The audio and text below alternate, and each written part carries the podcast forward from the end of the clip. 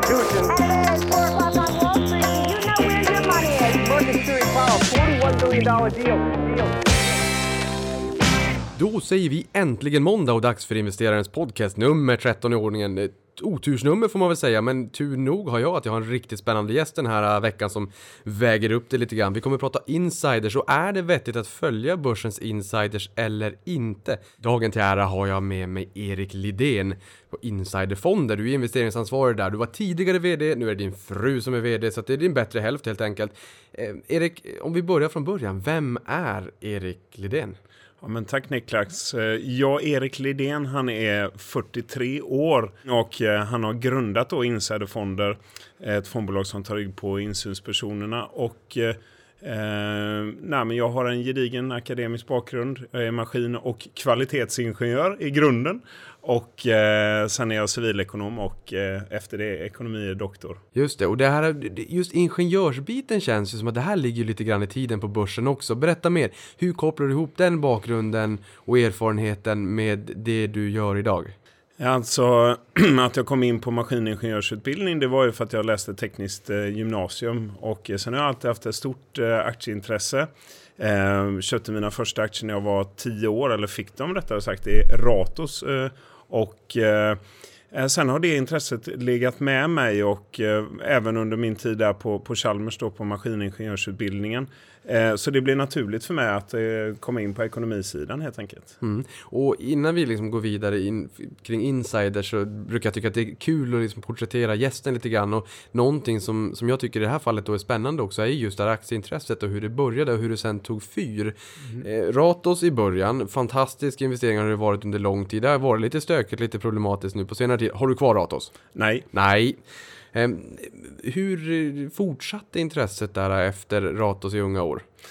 Jag hade förmånen att ha i skolan eh, där jag läste eh, ett par kompisar och framförallt en som hade en pappa som, som jobbade som eh, en högt uppsatt på ett börsnoterat bolag och därifrån fick jag rätt mycket intresse och fick ju då se hands-on hur insiders investerade och tog rygg på honom och det gick ganska bra. Eh, så när jag kom in på banken så, så blev jag betraktad som, som en insider mer eller mindre.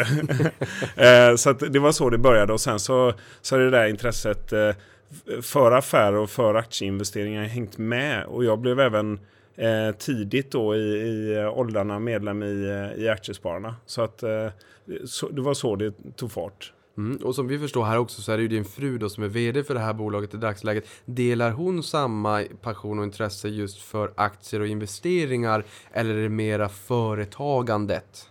Det är absolut företagandet. Hon, eh, innan vi startade fondbolaget, eller jag startade fondbolaget, och hon var ju med då från, från start, så, så jobbade hon i eh, ja, fordonsindustrin och eh, var inköpschef där på ett, eh, på ett bolag. Så att, hon, är, hon är duktig på affärer och på relationer och, och bolagsbyggande. Och hon kanske är ganska duktig på inköpschefsindex också som brukar vara en ganska viktig indikator i börsbranschen. Exakt så. Exakt så. Och ni driver ju ett fondbolag, berätta. Egentligen från start, hur, hur startar man ett fondbolag? För de som lyssnar på, på det här och känner att ja, men det här med ett fondbolag, det skulle vara spännande. Hur startar man ett sånt och hur länge har ni drivit det här? Nej men det är ju, eh, nu kan man väl säga så då att eh, hur jag kom in på det är ju såklart eh, min forskning då. Jag, jag disputerade 2005 på en, eh, på en avhandling som eh, tittade på värdet och informationen i aktierekommendationer och bland annat i tidningar. Och, eh, så det var 2005 och, och efter det så sa jag och en forskarkollega låt oss hitta en grupp av, för, eh, av, av information eller informationssätt som är bra att ta rygg på. Det var så vi kom in på insiders helt enkelt. Och eh, Eh, när vi sen då gjorde den stora forskningsstudien som vi eh, tog initiativ till där, eh, då eh, fick vi ju se att insynspersonerna var väldigt framgångsrika. Och eh, då blev det naturligt att göra någonting av den kunskapen och det var så som eh, vi utvecklade insidermodellen. Um, och det var väl inte en tanke att det skulle bli ett fondbolag från början, även om det var naturligt att uh, använda den här kunskapen som jag faktiskt hade byggt upp då under mina forskarår. Uh, men, uh, men när vi väl valde att utveckla insidermodellen då var ju målet eh, inställt. Och, så när vi hade klart modellen och, och vidareutvecklat den så, så tog vi in riskkapital och sökte tillstånd helt enkelt hos Finansinspektionen.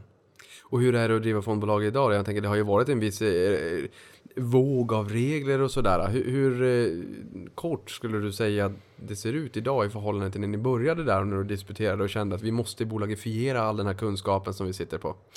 Ja, det, har ju, eh, det har ju blivit eh, en, det är en helt annan scen idag än vad det var då. Och redan faktiskt när vi ansökte om tillstånd eh, hösten 2008 så började det dras åt. Regelverken blev tuffare, det blev svårare att få tillstånd. Kraven var extremt högt ställda.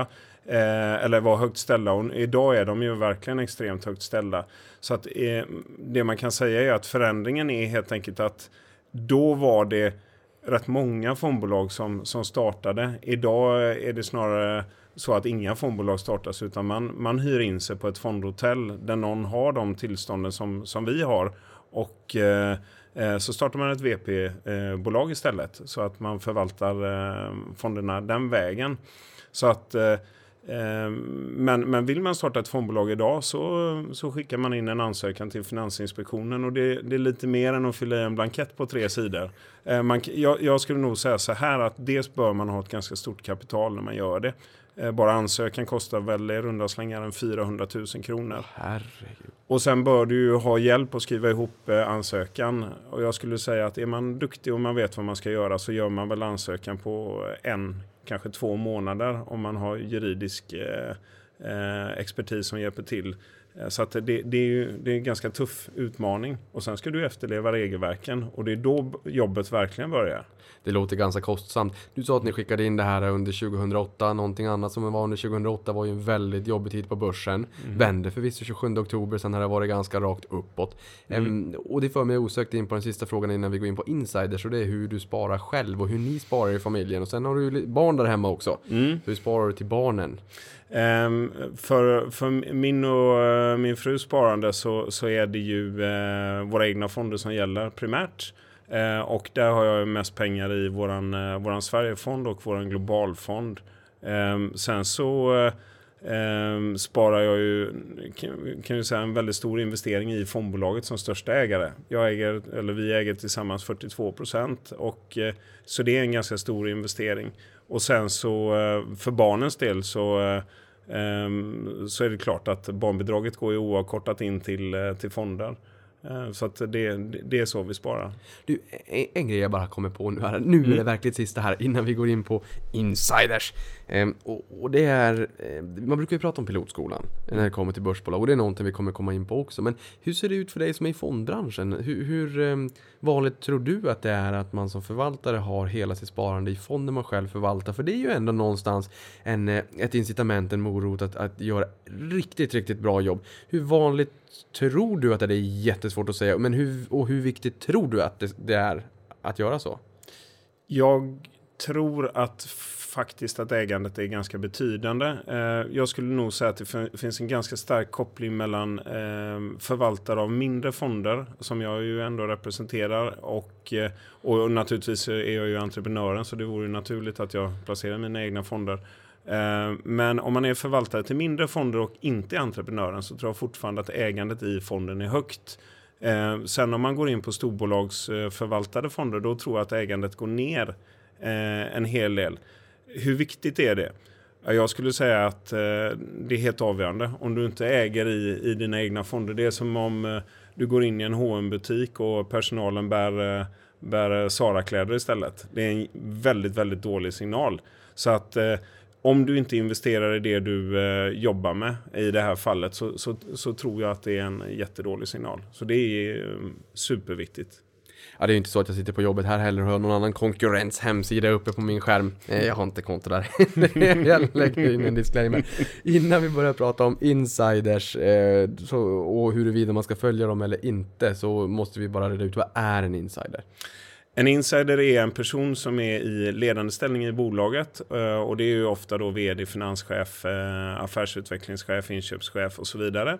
Eh, de kan sitta i styrelsen, de kan vara ja, men experter i bolaget som har tillgång till information som om den vore publik skulle kunna vara potentiellt kurspåverkande. Det kan också vara stora ägare. Och där också, vad, vad är skillnaden mellan insiderhandel och insiderbrott?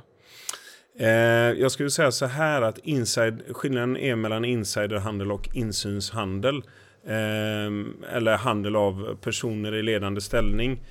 Eh, lite, lite vanligt uttryckt är ju insiderhandel är ju egentligen handel, handel med insiderinformation. Men insynshandel och eh, insiderbrott, om vi nu gör den jämförelsen då, är att eh, om du handlar på information som inte är publikt känd, eh, Eh, då är det ju ett eh, potentiellt brott.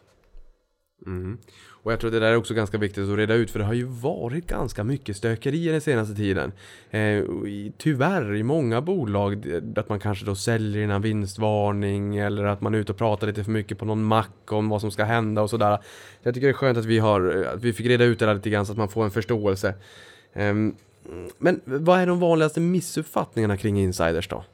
Det finns ju en väldigt stor missuppfattning och det är ju att eh, sälj, eh, att insynssälj, att det helt saknar värde. Eh, därför att man brukar ju säga att man köper av ett skäl och det är att tjäna pengar. Men man säljer av flera skäl. Och eh, då brukar man använda skäl som till exempel eh, om skilsmässa. Det kan vara att man ska köpa hus och sommarstuga, man ska amortera. Eller också vanligt att eh, man säljer av skatteskäl. För i en optionslösen så, eh, så uppstår det en skattesituation där man behöver betala in eh, skatt helt enkelt. Eh, det är inte så att det inte är sant i många fall att man säljer av, av helt legitima skäl. Men på grund av att det, det, är så lätt att använda det som svepskäl istället för att säga att man cashar hem eller att man sprider sina risker, vilket ofta är fallet, så, så är det en vanlig ursäkt eh, som många använder. Och det, det är en jättestor missuppfattning. Det finns ett, eh, ett citat eh, som jag sett i några sammanhang av Mats Kviberg som, som säger att man, man köper för att man tycker att aktien är undervärderad. Och man säljer för att det finns bättre investeringar och man inte tror att aktien har mer att ge. Så att det, det, det summerar väl det. Och det är en missuppfattning helt klart. Ja, för jag tycker att det där är intressant. För det är precis som du säger, brukar finnas liksom tusen skäl till att sälja så, och ett till att köpa som du sa här då. Eh, men har du något exempel på riktigt dåliga skäl? För jag menar, du har ju följt insiders länge och man ser också skälen, eller svepskälen om man så vill då så att säga, eller det är kanske ofta svepskäl. Mm. Eh, för att liksom tona ner vikten av, av försäljningen. Men, men har du något exempel på något riktigt, riktigt dåligt? Du får, du får gärna bädda in lite Göteborgshumor också i och med att du kommer Ja, det, eh, det, det, finns väl... Alltså så här. Det, det, har varit lite diskussioner nu i, i, sociala medier här om att nej, men det här med försäljningar det saknar värde. Jag tror så här, man ska inte generalisera, eller rättare sagt man ska inte exemplifiera för mycket för det blir väldigt lätt att ja men det finns exempel på fall där försäljningen har varit väldigt dålig säljsignal och det finns exempel där försäljningar är helt uppenbara eh, case där man borde gå ur aktien. Eh, men eh, eh bland de sämsta skälen är väl eh, i ett litet bolag där eh, den av grundarna gick ut och sa att han, han sålde, ja det kan jag säga, det var ju eh, Holknekt i Odd Molly som, som sålde och sa att först så skulle han köpa sommarstuga. Eh, men han tyckte aktien var bra värderad och eh, så det var inga konstigheter med att ligga kvar. Sa han till media och två månader senare så, så sålde han igen rätt mycket. Och då eh, frågade ju tidningen honom vad, vad är skälet den här gången? Ja, men det är att jag ska investera i min eh, dotters framtid. Och, och, och, det är väl klart, det, det är ett spännande skäl. Och sen, eh, men fortfarande att aktien var vettigt värderad. Väldigt öppet, det är öppet för tolkning. Ja, exakt, tolkning. exakt. Och sen två månader senare sålde han igen och då, då kom det inget skäl. Nu ska jag inte kasta ljus över honom för det ett, eh, var ett fantastiskt bygge där och gick bra för honom. Och det är, ju, det är ju skoj att man får ta hem vinsten. Eh, men annars är det så, och också exempel som har varit eh, den senaste tiden eh, och som har uppmärksammats i sociala medier ganska mycket, Sinober. Mm. Där har det varit många försäljningar. Och det är väl ett exempel där man uppger många olika skäl till försäljningar från olika insynspersoner. Någonstans måste man ställa sig frågan, är, är det här en tillfällighet? Eller är det, är det uppenbarligen så att det var ett bra läge att sälja, vilket det ofta är? Um, och ju fler skäl som kommer, desto tydligare blir det att här är någon form av toppformation i den här aktien. Nu är aktien dyr. Sen är det också viktigt att man ska inte kasta ljus över de som säljer. Jag menar, har du grundat ett bolag och, och du tar hem en del av din vinst, det är både rationellt ur ett ekonomiskt perspektiv och man unnar en entreprenör att få, få cash hem. Ja, för det där, just det exemplet tycker jag är väldigt intressant. För vi hade Veronica Augustsson eh, som är VD på Cinnober här i podden för några avsnitt sedan. Och också kommenterade eh, några av de försäljningar som har varit. Det hade varit tjänstefel av mig att inte fråga i alla fall i och med att det har varit rätt mycket försäljningar den senaste tiden. Mm. Och det här var innan Q4-rapporten också. Där aktien gick ner 30% på den här rapporten och marknaden tyckte att Ja, hmm, det kanske inte riktigt var vad vi förväntade oss och hade väl kanske velat ha lite mera guidance kring kostnaderna och sådär. Men, mm. men, eh, och där hade det varit mycket försäljningar också. Dels med så här Staffan Persson som mer eller mindre ska lämna bolaget och inte ställer upp för omval och sådär. När kan det vara så att man inser att ja, men här är det någon som faktiskt ska lämna bolaget och då kanske man tycker att det ändå är okej. Okay. Man har gjort en lång resa. Mm. Samtidigt som det är många försäljningar, många personer, då får man ju ändå lite ont i magen. Man blir ju lite vad ska man säga, eh, nyfiken på varför. Det är ju någonting som jag kan tycka när man tittar på vilket bolag det än är. Har det varit mycket försäljning så blir man ju lite tillbakadragen. Ja, och eh, i just Sinobers fall så, så eh, var det väl också så att, eh, eller inte väl, det var så att från 2017 fram tills idag så är det väl nio stycken insynspersoner som, som har varit aktiva och alla har nettosålt. Eh, det är klart att det är en negativ signal och exkluderar man där ordförande eh, som är största ägare så, eh, så har de övriga insynspersonerna minskat sitt ägande med en tredjedel. Eh, Ja, det, det, är inte en bra signal och nu har vi facit och det, det är lätt att säga att det var ett uppenbart säljcase då. Men eh, och det, det, det är vad det är helt enkelt. Det... Ja, för här blir jag lite nyfiken också. Jag menar, där då så att säga, aktien gick ju ner väldigt mycket på, på eh, rapporten. Samtidigt som ett av argumenten för den här försäljningen var att det hade varit ett handelsbolag tidigare som sen blev ett aktiebolag och sen så vart det en, en det, var, mm. det var någon form av skatte skattekomponent som innebar att det var tvungen att gå ett antal år av karens som mm. var fem år från början, sen som visade sig bli tio år. Mm. Och hade man sålt på ena sidan om årsskiftet så fick man en lägre skatt mm. än på andra sidan årsskiftet. Är det nonsens och nys i din värld eller kan det vara finnas en viss substans i den typen av argument? Nej, men i, i det fallet frågade jag faktiskt ett antal skatteexperter och eh, jag kan väl summera det att man fick inget entydigt svar. Det visar också komplexiteten mm. i när man säljer av skatteskäl att man måste ta, och det är min egen erfarenhet i, i diskussion med jurister i and, skattejurister i andra frågor, att man måste ta hänsyn till hela din skattesituation. Och sen finns det då olika domar som man måste ta hänsyn till. Men det gör det också till den perfekta ursäkten när man säljer. Som en eh, av skatteexperterna frågade, han, han menade på att nej men eh, en, en person hade aldrig sålt av det här skälet oavsett skattesituation om man hade trott att aktien kommer stiga i, i närtid. Det hade Nej. man inte gjort. Ja, bra poäng. Så att, så att, och de, den poängen måste man liksom ta hänsyn till. Eh, sen att det finns en skattesituation och att det kan vara ett skäl att sälja, det har jag full förståelse för. Ja, för det där, det där är ju också en, en eh, rätt vettig poäng just där att om det är så att det är ett svepskäl eller ett skäl som ofta är ganska svårt att syna så kanske det gör att det blir ganska enkelt att dra det också. Ja. Och det är eh, insynspersoner som jag har pratat med genom årens lopp, eh, sådana som jag känner privat och jag menar vi har pratat om, om insynshandel generellt sett, de säger också att det är en väldigt stor laddning när man som insynsperson och kanske som entreprenören börjar sälja av. I, i ett specifikt fall där valde han att sälja allt på ett bräde för han visste att han skulle få en, en storm av kritik mot sig. Varför, varför säljer du? Och då, då sa han helt enkelt i media att jag cashar hem. Det, det är dags nu.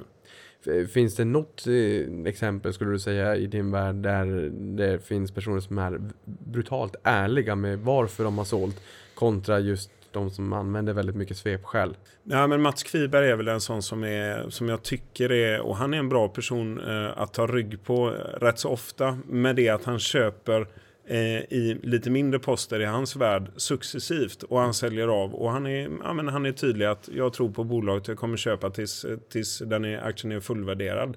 Um, det är, väl, det är väl det exemplet jag kommer på från the top of my head. Mm. Och just så här, innan vi lämnar Sinober också så tänker jag Veronica har ju, kan jag tänka mig en större del av sin ekonomi i just Sinober. Hon har varit vd sedan 2002-2003 och tid är väl liksom det finaste man kan ge här i världen. Den, den går ju inte att köpa för pengar.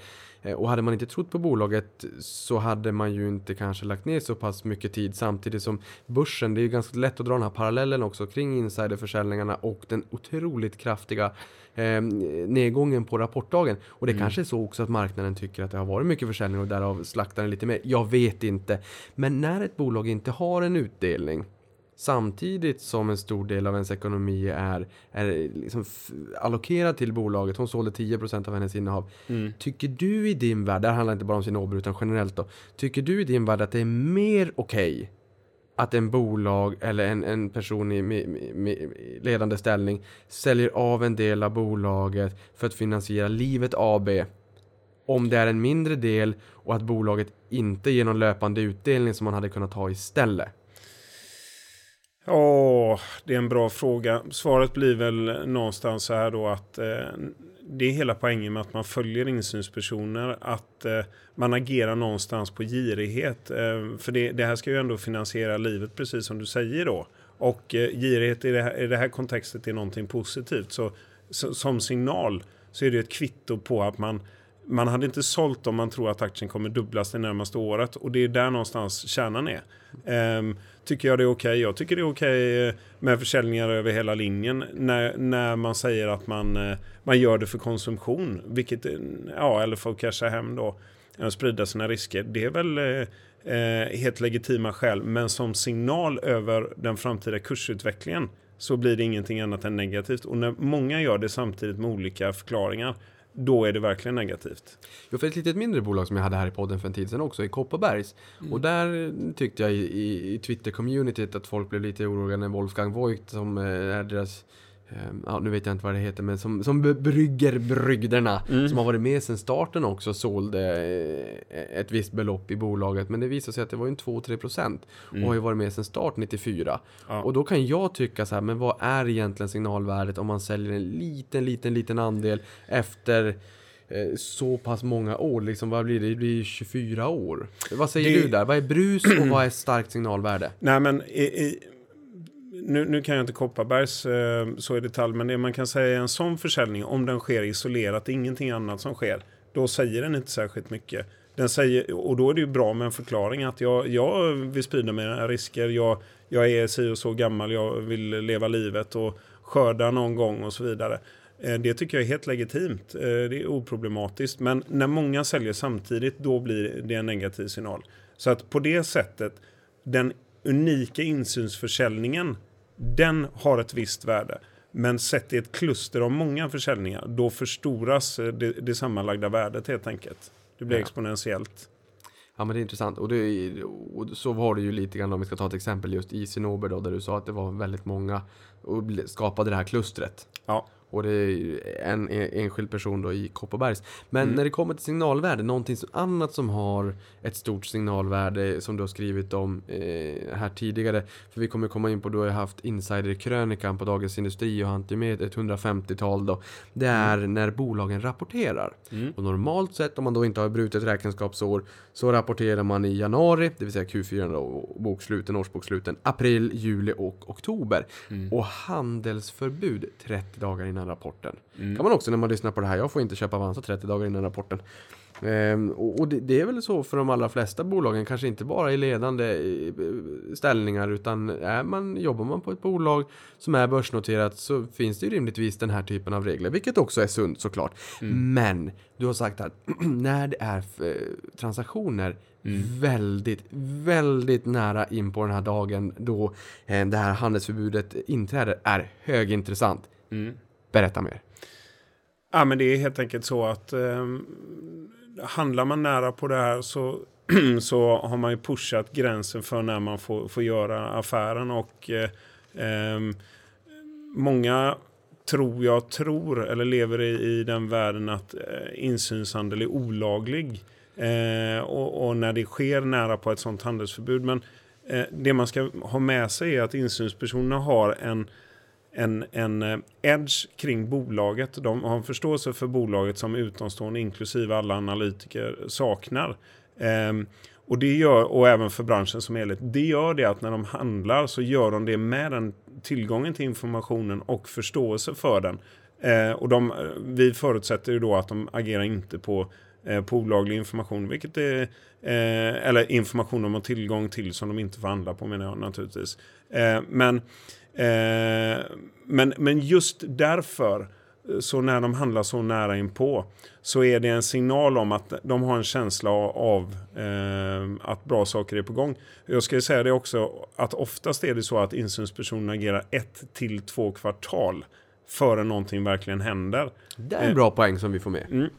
Så att eh, det ska man inte vara inbilla sig att man handlar väldigt nära en rapport och så kommer rapporten ut extremt bra. För Ehm, eh, som i Sinobefallet så, så eh, var det en del som var irriterade över att de här försäljningarna hade skett eh, när kvartalet hade passerat. Och det, det är en, det är en vettig frågeställning. Jag förutsätter nog att man inte agerar på, på information som är känd naturligtvis. Men, eh, som är känd internt men inte off, eh, offentliggjord. Men, eh, Eh, men i de allra flesta fallen så gör man i de allra flesta fallen att man inte agerar naturligtvis på okänd information eller på, på information som är känd för insynspersoner men inte för utomstående. Eh, men däremot uppfattningen om framtiden. Så det är därför eh, värdet är störst på deras agerande ett till två kvartal framåt i tiden. Det där är jätteintressant. Den tar vi verkligen med oss, både jag och de som lyssnar på det här. Just att man också inser historiskt att, och precis som du säger, det är inte så att man håller på att rapporttrada. Eh, Nej. Nej, verkligen Generellt, inte. nej. Ehm, eh, någonting annat som man blir lite nyfiken på här då också, det är ju vilka personer i din värld tycker du är riktigt duktiga stockpickers? Om det är så att man liksom sätter köperna i relation till när det har varit riktigt bra lägen. Mm. Och vilka är kanske, snällt uttryckt, inte lika duktiga då? Mm. Eh, jag kan säga i, i våran förvaltning, eh, våran modell, så tar vi ju inte hänsyn till om Mats Kviberg gör en affär om jag säger så. eh, eller Fredrik Lundberg. Utan vi följer ju agerande och mönster. Det som är aptitligt med det är ju naturligtvis att vi agerar på mönster i deras eh, agerande som är universellt. Det vill säga att eh, ja, men helt enkelt att girighet styr affärerna då. Det gör att man kan följa insynspersoner i Malaysia eller i Australien eh, på precis samma sätt som, som här hemma då. Eh, eh, så om man inte då exemplifierar i individer så kan man säga att ju komplexare bolaget är eh, eh desto, desto bättre är eh, affärerna som signalverktyg eh, som insynspersonerna gör. Så att om man tittar då i, i branscher så hälsovård, hälsovård, bioteknik, högteknologiska bolag där det är ett fåtal som förstår tekniken och branschen. När de köper eller säljer så sänder det väldigt mycket starkare signaler eh, än om det är ett industribolag. Det, så kan man generalisera det. Mm, och det är mm, intressant. Just det där, precis som du säger, menar, när det kommer till läkemedelsbolag eller forskningsbolag. Jag är ju, ja, jag sitter ju inte på andra plats. Jag sitter ju förmodligen långt bak i publiksalen och har ju ingen edge överhuvudtaget. Och då kan det ju vara ganska intressant att se de som har varit framgångsrika och se när köper de i sådana fall. För de om någon kan ju affären och forskningen och ja, men sin produkt eller sin forskning helt enkelt. Ja. Eh, Så att, ja, men det tar jag med mig också. Ju, ju svårare desto bättre kanske för mig som småsparare om jag vill ta rygg. Ja, och sen så kan man också tänka att ju större ett bolag är, storbanker, eh, stora industrier, koncerner och så vidare, där eh, insynspersonerna har bara sin lilla tårtbit av information. Men kommer man ner till ett bioteknikbolag som är nystartat, eh, eller rätt, rättare sagt inte särskilt gammalt och nytt på börsen, där, och ett market cap kanske på en eller två eller tre miljarder, där är signalvärdet på deras agerande extremt mycket högre. Så att eh, det finns en väldigt stor skillnad mellan bolagsstorlekar eh, också i den aspekten. Ja, för det förstår jag. Men ett större bolag också blir ju en stor koloss. Det blir som, liksom ett stort hangarfartyg. Och då kan man ju tycka mycket internpolitik och sådär. Så kan man ju tänka att, precis som du säger, de köparna kanske inte är eh, riktigt lika klockrena och det är svårt att få koll på hela affären så att säga. Eller när Fredrik Lundberg eller Melker Schörling, nu har de ju köpt ut eh, sitt bolag då från börsen, men när de köper så kanske det snarare är så att ja, men vi köper för att vi vill vara, eh, ha inflytande också om 15, 20, 30, 40 år. Så att det blir Ja. väldigt långa cykler. Men jag tänker de här lite mindre bolagen, typ forskningsbolag där jag känner att jag, jag har ingen chans överhuvudtaget att liksom läsa på och förstå vad de gör. Mm. Ehm, när de köper aktier i bolaget, hur ska man tänka där? Om de små, småduttar lite grann eller om de tar till ordentligt och köper? Vad finns det för grader i... I de små bolagen tänker ja, du? De här små, s- lite svåra bolagen som är svåra att förstå. Där man tar Mm. rygg på de här som är på insidan och förstår. Oj, det, det, det är helt situationsrelaterat. Det beror ju på vad, vad, vad kollektivet av insynspersoner gör skulle jag säga och vilken position personen är på. Eh, vd är ju de som sänder allra bäst signaler. Eh, finanschefer och ordförande efter det.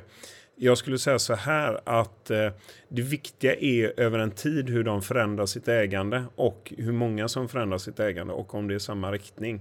Där, där någonstans är pudelns kärna. Det här när du nämnde nu här, VD Mm. och, och, och styrelse, ledning, ordförande och sådär. Ehm, Kan, kan vi försöka ta och rangordna det här? Vilken insynsperson i ett bolag är absolut viktigast? För vi kan ju ha, ja men förutom VD och ordförande, vi kan ju ha storägare och sådär också. Vem är viktigast i din mening? VD, VD? nummer ett. Ja. Finanschef eh, och ordförande på delad andra plats och sen kommer i stort sett ingen. Eh, Och ingen brons. Och, och, och ska vi gå i nästa del av spektrat så är det ju eh, make, maka, sambo. Det, det är de absolut sämsta affärerna. Sämsta affärerna? Sämsta affärerna. Ah, hur menar du? Och det spelar ingen roll om det är vdns eh, respektive som gör affärerna. De är, där har du de allra sämsta affärerna. Och det, det är ju egentligen en väldigt enkel förklaring till det. Därför att man gör affärerna där man, där, där man gör de största affärerna, där eh, är de också baserade på allra bästa information. Och där är det timing och där är det alla möjliga aspekter som, som vägs in. Eh, I sambon eller make-makans fall så är det oftast lite mindre affärer och eh, av det skälet så är det mer en Ja, men jag upplever att det är någon, mer en form av signalverksamhet man håller på med där. Att man, man duttar in lite grann och det spelar ingen roll om det är billigt eller dyrt så, eh, så, så känns det okej. Så att det är därför som, som eh, vi historiskt har sett att det är de sämsta affärerna. Ja, Okej. Och du, eh, back to the basics, en fråga Mm. som jag hade tänkt att ställa från början. Just insiderkrönikan som du Mm. skrev under ganska lång tid på Dagens Industri, hade med ett 150-tal krönikor. Mm. När jag pratade med mina kollegor här på Avanza så sa de Åh vad roligt, för den där uppskattade jag verkligen. Mm. Eh, och jag tänker, kan du berätta lite grann om krönikan, andemeningen och, och, och ta, har du med dig några godbitar därifrån? Vad är essensen för de som inte har läst den här insiderkrönikan? Ja, men det gläder mig att höra att, eh, att den har varit uppskattad. Jag, eh, jag blev tillfrågad av DI för drygt fyra år sedan och eh, de funderade över om inte jag kunde dela med mig av mina veckoobservationer i insynshandeln. Och jag, jag menar, jag har ändå forskat på området och spenderat ett antal år innan vi startade eh, fondbolaget med att studera insynshandeln. Ehm, och, eh, så vi gjorde ett testskott. Och eh, det blev väldigt lyckat och vi kände väl direkt att det här klaffade, det här, det här kommer funka bra. Eh, och sen så, så körde jag det under, under fyra år, som sagt 150-tal kröniker. Och det är ju precis, ja det är bara några månader sedan jag eh, sa till dig att nu, nu stänger vi den här butiken för den här gången. Eh, och, och det är klart allting har sitt slut. Nu kämpade jag ganska hårt med det och det, som gammal forskare så gör jag ingenting halvdant utan när jag, när jag gör någonting sånt här så lägger jag tid på det och det, det tog väldigt mycket tid. Det var jäkligt spännande, väldigt kul i eh, kontakten med, med läsarna via Twitter och via mail och också bolagen såklart. Och där finns det ju, om, om, vi, om vi går till essensen med, med vad jag skrev och hur, jag, hur man tänker här då. Så tittade jag på insynshandeln senaste veckan. Finns det något intressant att lyfta fram? Eh, och så lyfter jag fram då kanske ett till tre bolag.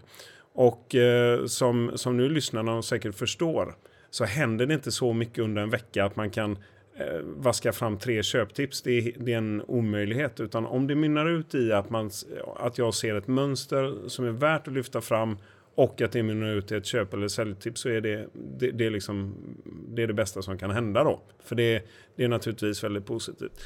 Eh, Så det vill ju det igen att jag skulle försöka hitta köp och säljcase. För det är det som, som läsarna är mest intresserade av. Och det, eh, från det hållet jag kommer. När man har skrivit avhandling om aktietipsen i tidningarna och dessutom en bok om det där jag eh, sågade aktietipsen. så, så är det klart lite spännande att, att ge sig in i den, den världen. Och det var, så det var ju en jätteutmaning. Och um, kittlande samtidigt.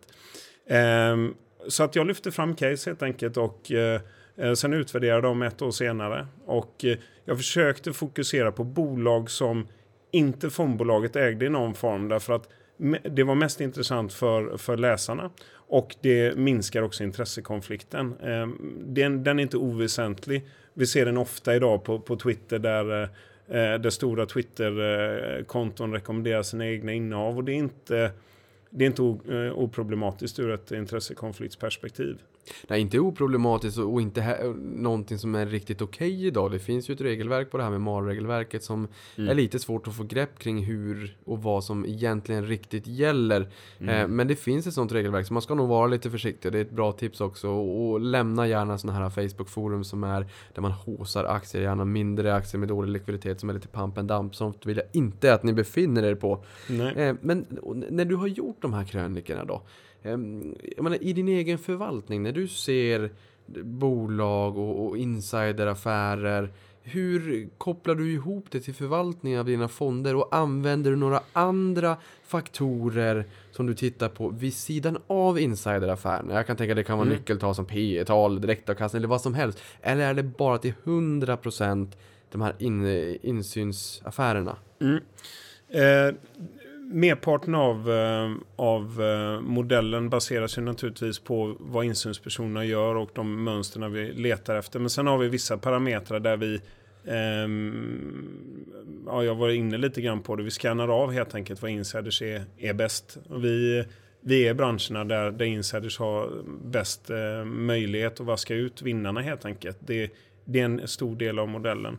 Och sen så uh, så exkluderar vi bolag som har värderingar som är, eh, som är så höga helt enkelt att sannolikheten för att, eh, att eh, de, kommer, de kommer vara vinnare på sikt är, är ganska låga helt enkelt. Så att där, där försöker vi ta bort den typen av bolag. Mm. Ehm, och det här vaskar också ner till frågan någonstans också. Bör man som småsparare följa insiders? Det här är en sån ledande fråga nu är. Mm. Ehm, men bör man göra det? Och, så var, och varför bör man göra det i sådana fall? Och hur, och hur ska man liksom tänka? Eller vad ska man tänka på när man bestämmer sig för att göra det då? Man ska absolut uh, följa insiders. det är viktigt att förstå att de här personerna jobbar ju i bolaget. Det är det, det, är det enda de gör. Och eh, de har ju en väldigt bra koll på hur bolaget och branschen funkar. Och viktigast av allt är att de signalerar med den egna plånboken vad de tror om bolagets eh, och aktiekursens utveckling framgent. Eh, så att naturligtvis ska man, ska man eh, väga in det här som en viktig faktor. Eh, jag får ju ibland frågan, ja men eh, eh, är det verkligen så bra att följa insiders som du, som du säger? Ja. Eh, det finns eh, stora value-investerare eller värdebaserade investerare i, i USA. Ehm, eh, Tweedy Brown som ett exempel där de lyfter fram just eh, eh, vilket ägande som ledningen har som en av de absolut främsta katalysatorerna i deras modeller. Och de har, har inte funnits i 10-20 år utan de har funnits betydligt längre än så. Ehm, så att det är definitivt en faktor man måste ha med och man kan inte bortse ifrån den. Det innebär ju naturligtvis inte att om, om nu inte insynspersoner har ett ägande överhuvudtaget, att det är ett bolag och en aktie som inte kan, eh, kan stiga så att säga då. Eh, men eh, normalt sett så, så är det viktigt med ett ägande från ledningen helt enkelt i investeringsbeslutet. Och, och den här insynshandeln då, mm. hur har den sett ut historiskt? Ehm, köper de när det är billigt och säljer när det är dyrt? Helst ska de ju inte sälja utan behålla över tid då. Mm. Men, men hur, hur bra track record har de haft historiskt? För jag vet att du skrev att under 2008 så var det nivåer som man nästan aldrig har sett tidigare mm. och som intensifierades de sista månaderna också efter Lehman Brothers eh, mm. kollaps. Mm. Eh, när det var riktigt jäkligt innan det vände och det är ju kul att se. Men så att mm. börsen var på P8, man kanske tyckte att nu är den nedtryckt i skosulan, vi kan ju mm. ändå vara en verksamhet, vi kommer inte gå i putten imorgon vi köper. Eh, så det var ju lite speciellt scenario. Men, men alltså generellt, köper man när det är lågt och billigt? Så att säga? Ja, svaret är ja. Svaret är ja. Och det, och det utvecklade svaret är ungefär så här att eh, eh jag får ofta frågan, eh, ja men eh, om vi, om vi nu tittade på köp och, köpandelen under, under finanskrisen och under IT-bubblan och så vidare. Kunde man använda den som en prediktor då över, över den framtida kursutvecklingen? Och svaret är ja. Därför att man, man tittar på köpandelen som en viktig aspekt. Men man tittar också på storleken på köpen eller försäljningarna som en ytterligare bidragande eh, eh faktor som man måste ha med sig. Eh, och just under, under eh, finanskrisen så var det ju otroligt hög andel köp, men det var också stora köp, framförallt mot slutet när det, när det vände. Och där är kärnan i insiderkollektivets agerande, att man tenderar att accelerera köpen precis innan eh, vändningen eller vid vändningen eller strax efter. Sen när det väl stiger, då, då i princip eh, försvinner köpen helt och då, då ökar ju, eh, minskar ju köpandelen och, och säljarna kommer då helt enkelt. Det, Så att de är klassiskt motvallsinvesterare. det där är också väldigt intressant. För jag tänker mig Mm. också, sitter man på bolaget och har tillgång till information som inte är liksom publik. Eh, där man kanske ser hur orderböckerna fylls upp igen och där man ser att telefonerna börjar ringa och aktiviteten på kontoret börjar gå upp lite grann och kaffekön till kaffemaskinen eh, börjar minska och allt vad det kan tänkas vara. Så är man där och köper lite grann kanske. Jag menar Volvo, hela orderboken försvann och sen annullerar man order. De hade negativ orderbok under finanskrisen. Ja. Det är sånt där typiskt exempel man brukar nämna. Är ju. Ja, är, det- är, är det sådana faktorer också som kan vara lite grann det här vikt att man ser typ inom industrin kanske orderböcker liksom att man börjar ja. Absolut. De, de, de, ser ju, de, är, de är ju före kurvan så att säga. De, de vet ju vad, vad som komma skall. Och eh, sen är det ju så att det finns ett regelverk som styr hur de får köpa och sälja.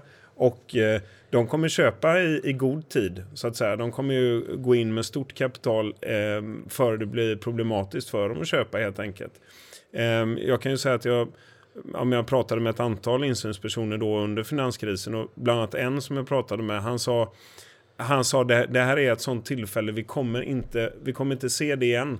Det är i princip så att med säkerhet att jag vet att en krona in kommer vara betydligt mer än en krona om ett år. Så, så just den personen tror jag gick från, han var likvid med 20% med en väldigt stor portfölj till att vara eh, eller eh, rättare sagt, han var likvid med 80% av kapitalet. Eh, hade han på, på kassan och gick in med allt på ett halvår.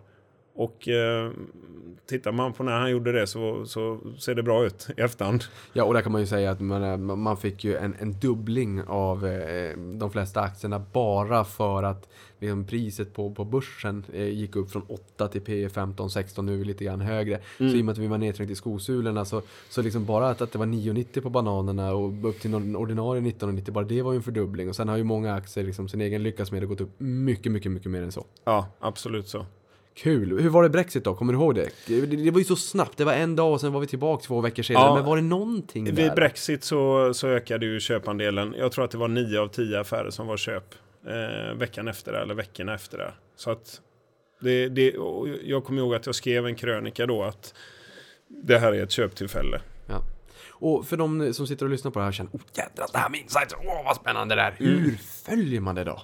Ja, men man, man eh, kan ju följa det här på, eh, ja, bäst egentligen på Finansinspektionens sajt där man går in i insynsregistret och, och eh, kan slå på bolag och individ man vill följa.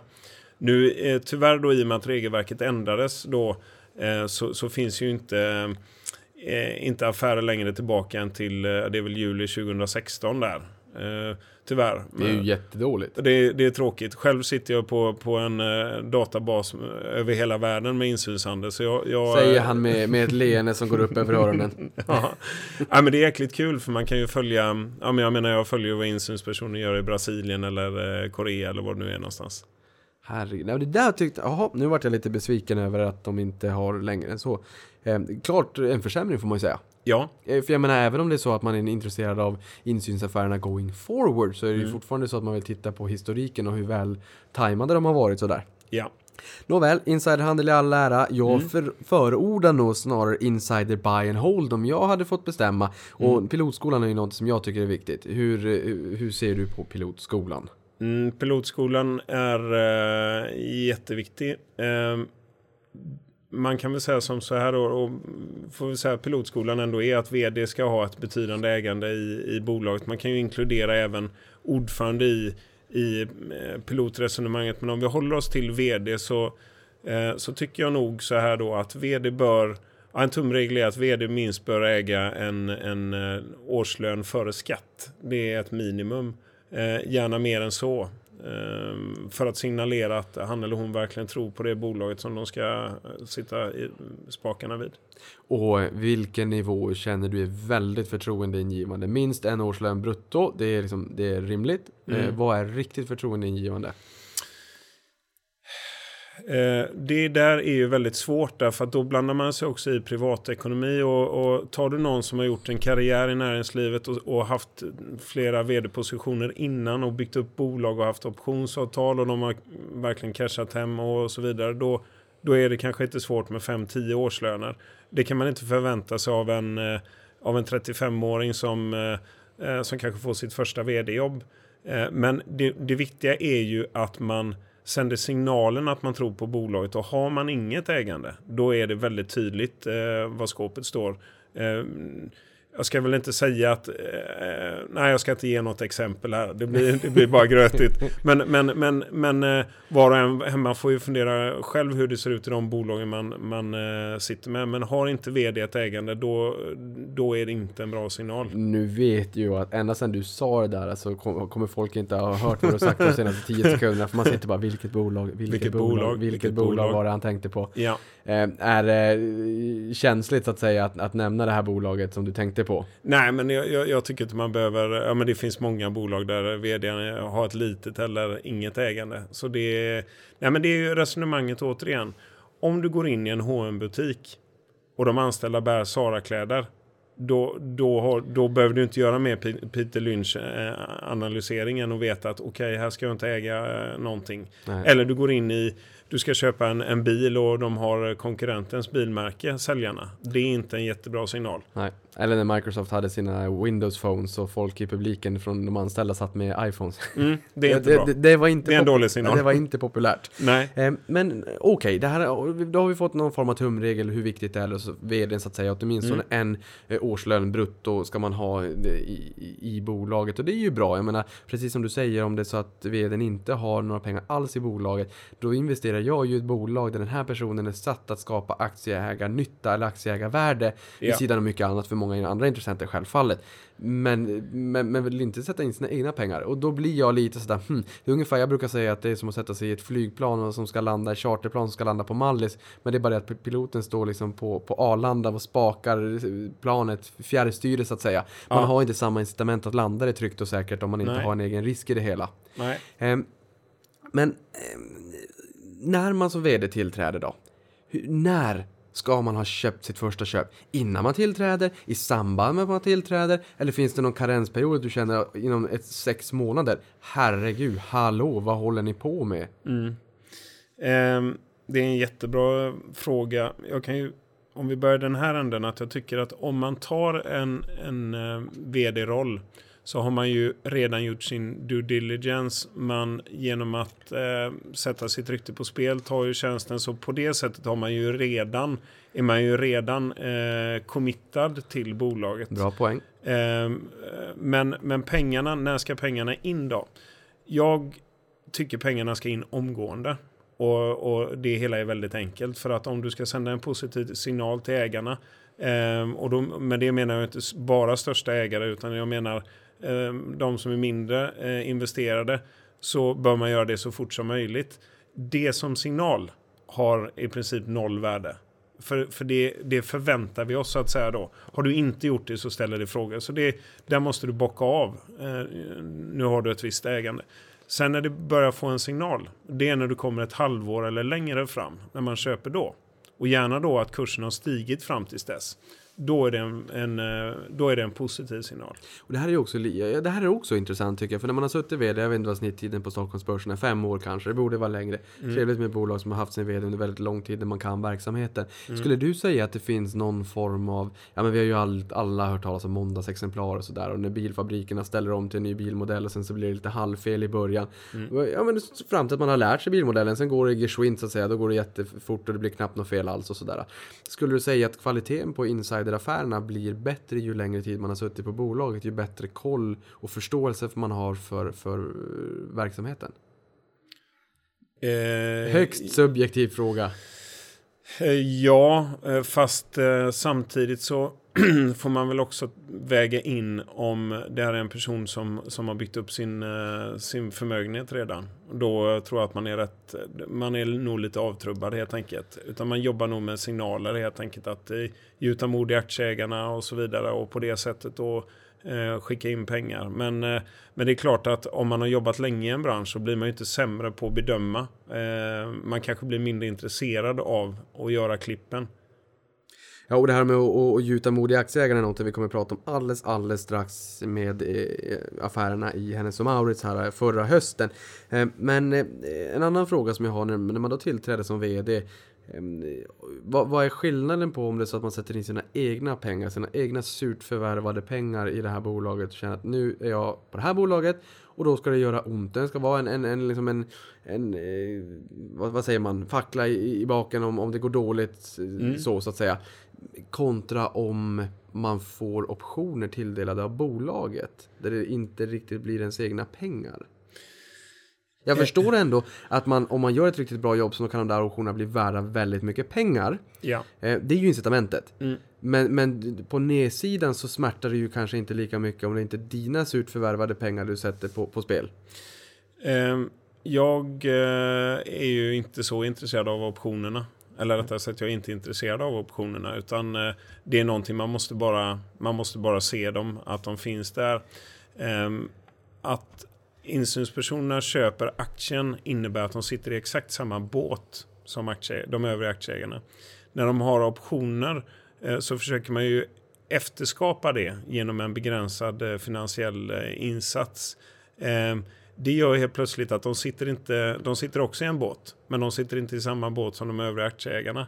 Eh, så på det sättet så, eh, och det, därmed inte sagt att optionsavtal inte kan vara väldigt bra som en mix för, för de övriga aktieägarna. Det finns många exempel eh, där insynspersoner har byggt upp gigantiska förmögenheter på ett bra jobb som hela bolaget har gjort, inte bara vdn eller eh, finanschefen, vad det nu kan vara för någonting, eh, utan hela bolaget. Och de, de bygger upp stora förmögenheter på så sätt. Men jag vill ju gärna att det ska smärta re- rejält i den egna plånboken och därför är jag förespråkare för, för eh, aktieägande och inte optionsavtal. Eh, sen förstår jag att alla har inte de finansiella eh, musklerna att skicka in en årslön ehm, eh, initialt. Men har du varit vd i 20 år och inte kan eh, ha ett aktieägande som är din, din årslön, då är det någonting som är fel. Nej, jag håller med. Jag hade inte kunnat säga det bättre själv. Men pilotskolan, skillnaden på pilotskolan och ägare av kött och blod då? Om det är vd som har ett stort innehav i, i bolaget kontra om vi har en större stark huvudägare. Jag vet inte vad det, det kan vara kanske Melker Schörling eller Fredrik Lundberg eller Stefan Per eller familjen Persson får man ju säga. Ja. Ja. Kontra en vd som sitter med en stor pott pengar. Finns det någon skillnad där? Skillnaden är ju att eh, en pilot eh, är ju någon som eh, tar rollen, eh, skickar in pengar och eh, helt, helt enkelt har skapat sig själv incitament, ytterligare incitament att göra ett bra jobb. En, en ägare av kött och blod är ju eh, någon som inte tar investeringsbeslut baserat på 1, 2, 3, 4, 5 år framåt utan de tar dem kanske 10-20 år framåt för att det här är, det här är ett livsverk eh, för familjen eh, exempelvis. Och eh, eh, det innebär att den som investerar i den typen av bolag och tar rygg på den typen av individer måste också ha det tålamodet som de har. Fredrik Lundberg är väl ett jättebra exempel på eh, en person som över tid har lyckats fantastiskt bra. Eh, Persson-familjen är ett annat exempel och mer, mer aktuellt på det sättet att det kanske inte har sett så bra ut den senaste tiden. Men om man har den visionen som de har och har den uthålligheten då, är det, då är det väldigt spännande att ta rygg på, på den typen av eh, individer. Jo, det är därför jag mig lite osökt in på också de här affärerna som gjordes under förra året där Stefan Persson både var ute och pratade om att ehm, ja, men framtiden ser ljus ut, vi har aldrig varit mera välpositionerade för framtiden och vad som komma skall och vi har visst probleminsikt och vi vet vad våra utmaningar är och vi är på det och allting. Ja. Och sen några veckor senare så kommer en riktig försäljningsmiss att du får en riktig Hej kom och hjälp mig kollaps i, i- aktien. Och det här var ju alltså eh, höst 2017 innan den senare tidens eh, riktig nedförsbacke. Eh, och där han också varit inne och köpt väldigt många gånger. Min fundering här lite grann, kan det vara så att ägare av kött och blod, de ser det här är min baby, det här grundar sig som Erling Persson 47, det är Stefans pappa, Karl Johans eh, farfar. Ehm, att man säger nobody puts baby in a corner-köp.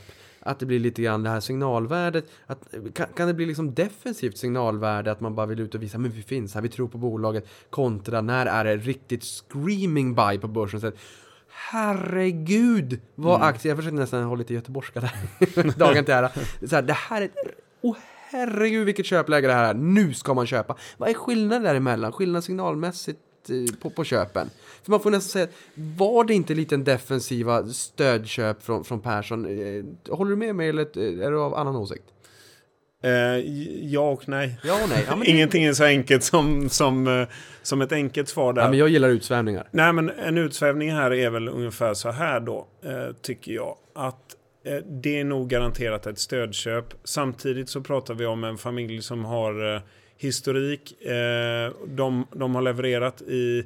Eh, jag, jag tycker väl det är lite oschysst kritik mot Carl-Johan Persson. Man, man kan titta på en aktiekurs, men man kan också titta på tidsandan och var bolaget kommer ifrån. Man går i, bolag av den storleken går i cykler och de, de har helt enkelt styrt i fel riktning och de behöver styra om. Eh, det är inte bara hans fel utan det finns andra i bolaget också. Eh, så på ett sätt stödköp. Samtidigt tror jag inte på att eh, de gör dåliga investeringar. De har hållit upp under väldigt lång tid och återinvestera utdelningen. Och att de då gör det är ett kvitto på eh, att de tycker att det är ett bra läge att, att öka makten i bolaget. För det är ändå det de gör. Eh, H&M har ju över en, över en väldigt lång period haft premiumvärdering. Så den har ju varit högre värderad än vad, vad som kanske är motiverad just därför att eh, ja, men förvaltare har resonerat att kvalitet ska få kosta. Ja, och det kan vi säga bara som inflikning att P18 till 24, där var femårssnittet Ja, eh, innan den här sättningen. Den toppade på 368,50 här den eh, 3 mars 2015. Så Ja. som du säger, det har ju varit en premievärdering. ja.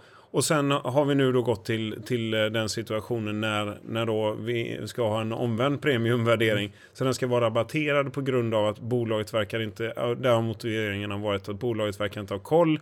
Eh, de eh, Eh, de, de eh, drar inte dit folk till butikerna, det är inte ett mode som, som eh, man vill köpa och så vidare. Och det, det är ju väldigt befogat och de kanske inte har varit så duktiga online som de borde ha varit. Och där är jag helt övertygad om att marknaden undervärderar den kraften och den kompetensen som finns i bolaget. Och då pratar jag inte om en vd eller en ordförande. Utan jag pratar ju om de, alla som styr bolaget eh, tillsammans. Så jag tror att man har ett väldigt stort jobb att göra. Och går man in till exempel i en, nu representerar jag inte någon klädkoncern, så jag kan ju, kan ju ändå tycka att går man in i en Sara-butik, då går man inte in i en hm butik utan man går in i en butik där det verkar som de har ett mode som det händer någonting. De är snabba till marknaden, de förstår vad konsumenten behöver. Det gör ju inte hm butikerna Eh, och där tror jag att man har ett väldigt stort arbete att göra och, och man ska inte underskatta bolaget i att de inte förstår det själva. Eh, och det, där tror jag marknaden är helt fel på det. Och eh, många lägger ju upp bilder på eh, i sociala medier där de har varit i butiker som inte är besökta av H&M. Och det tror jag, även om jag tycker observationerna är intressanta, så tycker jag man förstorar eh, det hela. För vi pratar om modebranschen och här ändrar sig saker väldigt fort.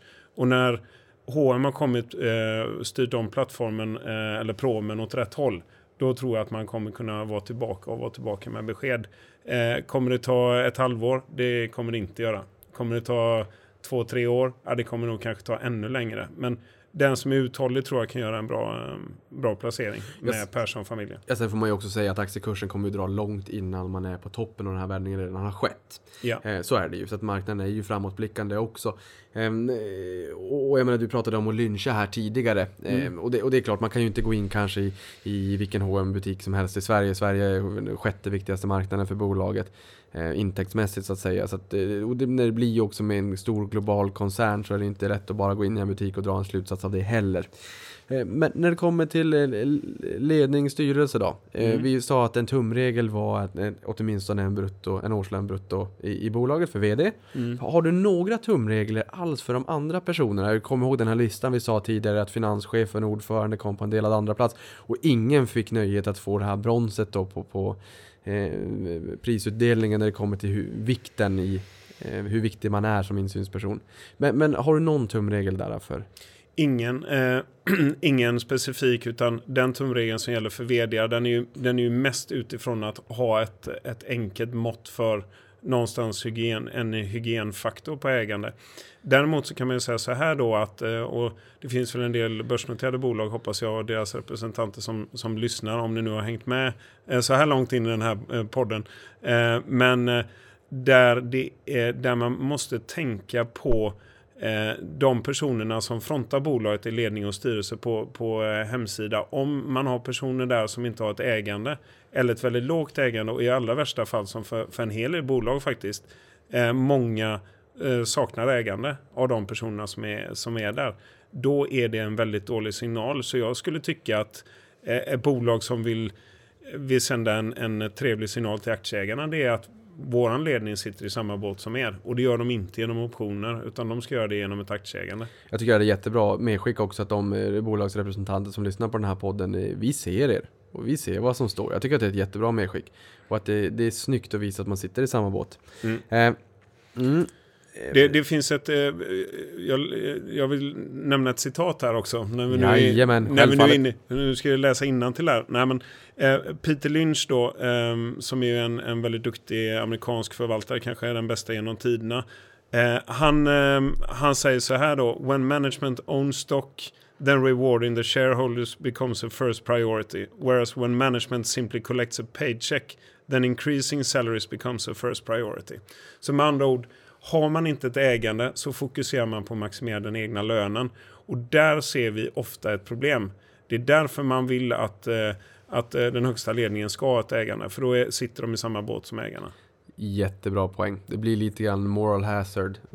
Ja, exakt så. Det där är jätteviktigt. Eh, inte nog, man kan inte säga det nog många gånger. För och det är klart att om man då bara vill liksom få upp sin, sitt lönekuvert. Mm. Ja men mm. då kommer man ju köpa, man kommer förvärva bolag. Det kanske inte blir de bästa förvärven. Utan man gör bara förvärven för att man vill bli större. Ja. Man återköper aktier för att man vill att EPSen eller vinsten per aktie ska stiga. Även fast vinsten för bolaget absolut inte stiger. Det spelar ingen roll om en tårta delar på 10 bitar eller 100 bitar. Det är fortfarande en och samma tårta från början. Jag mm. förstår inte hur man i finansbranschen, inte minst i USA, inte minst på ganska hög nivå kan tycka att EPS är ett sätt att öka vinsten. Nej, det är det verkligen inte. Jag tycker om den där poängen också, viktigt att man ska sitta med i samma båt och man ska ha samma intresse, man ska simma åt samma håll. Mm. Är det mm. någonting jag inte gillar så är det internpolitik, för det skapar absolut inte aktieägarnytta. Eh, man ska ha ett ägande med i bolaget. Så att ni som lyssnar på det här och sitter på bolagen, ta med det hem också. Som sagt, vi ser er. Eh, Någonting annat som jag tänker också som är lite viktigt. Tiden börjar rinna iväg. Vi är över timmar nu så vi ska försöka skynda oss på. Men, men jag har ändå en fråga här kring personalen och incitamentsprogram som jag tror är viktig. För att jag tror att hur viktigt är det att ha någon form av incitamentsprogram eh, för personalen eller att möjlighet att kunna köpa aktier? Ehm, för att liksom tajta till företagskulturen och den här känslan av att man är med i samma båt. Vad säger du där? Tittar du någonting på om personalen är med? Ja, absolut. Eh, det gör vi ju. men, men vi gör det så tillvida att vi tittar på hela insiderkollektivet. Så är, det inte en person som är etiketterad som en insynsperson så, så kommer den ju inte med i, i våra modell. Då. Men eh, jag tror att det är otroligt viktigt därför att eh, alltså ska man mot samma mål eh, och gifta sig med bolaget så, eh, eller säg så här, ju fler som gifter sig med bolaget och dess vision, desto bättre är det. Och då då sitter man i samma båt även längre ner i organisationen så bygger det en styrka där alla är med på den här resan. Där finns det ju eh, ja, men det finns ju många olika skolor där men, men eh, Handelsbanken är väl ett exempel där, där man ser till att alla sitter med i, i deras båt. Eh, oavsett vilken position man är i bolaget. Och det, det tror jag eh, en, en, eh, en organisation, eh, kulturen som byggs upp tror jag blir väldigt stark då. Ja det tror jag. Det, är, tror jag också. Jag brukar säga att Handelsbanken är en sekt kring oktogonen och sådär. Mm. Alltså en sekt i en positiv bemärkelse. Men att man får den här starka sammanhållningen och att det blir en stark företagskultur att många faktiskt jobbar i koncernen under väldigt, väldigt många år och, och tenderar att kanske inte vilja lämna riktigt. Ja. Eh, nej, så det där, ja, det, jag håller helt med. Jag köper resonemanget rakt av. Någonting annat som jag också tycker är intressant är herrelösa bolag. En mm. Intrum Justitia eller numera Intrum och förvärv, eller sammanslagningen med Lindorf ett jättebra mm. exempel. Mm. Det här är ett bolag som inte hade några starka huvudägare um, och, och, och, där um, man helt enkelt har, man har fonder som storägare där man gick ut och sa att den här dealen är inte okej. Okay. Då var det tänkt att liksom Intrums aktieägare skulle få 53% av nya bolaget och Lindorf skulle få 47% och sen sa man aldrig. Och sen så gick man själv ut och sa 50, eh, ordnade så att det blev då 55% mm. kontra 45% så vi fick 2 procentenheter mer. Man mm. gick förbi aktieägarna till och med. Mm. Det är lite konstigt kan jag tycka. Men hur ska man tänka kring bolag som inte har några starka huvudägare? Nu är du fokad liksom på insynspersonen mm. och det kan vara ordförande och vd och sådär. Så att säga. Men när ägarlistan ser lite herrelös ut, hur tänker du då? Det är ju inte, signalerar ju inte styrka utan eh, som du är indirekt inne på att eh, herrelösa bolag är, ja men det är, alltså det är up for grabs då, lite grann. Eh, och eh, man vill gärna ha en eller två större aktieägare och gärna sådana som är namnkunniga naturligtvis. Så man vet vad man, vad man har dem och deras agenda är att de inte är dagsländer utan de är inne, inne på lång sikt i bolaget. Eh, så att den, i den typen av bolag så tycker jag det är extremt viktigt att, att titta på hur ser ägandet, för då kommer ju insynsägandet ännu mer i fokus då. Om det då är bolag, och då kan man se svart eller vitt här, är det bolag där ledningen och styrelsen ändå har ett betydande ägande eller är det bolag där de helt saknar ägande men de har en lönesituation som är högre än i branschen. Då är det lite grann som att man har köpt in eh, personer, överkompenserat dem eh, för att bolaget är, det är inte bra ställt för bolaget och man, någon måste ju ta rollerna. Så att man har köpt eh, rolltillsättningen om man säger så, inte fått eh, eh den bästa line-upen som också signalerar att de tror på bolaget. Mm. Så att då blir det extra viktigt att se på deras ägande.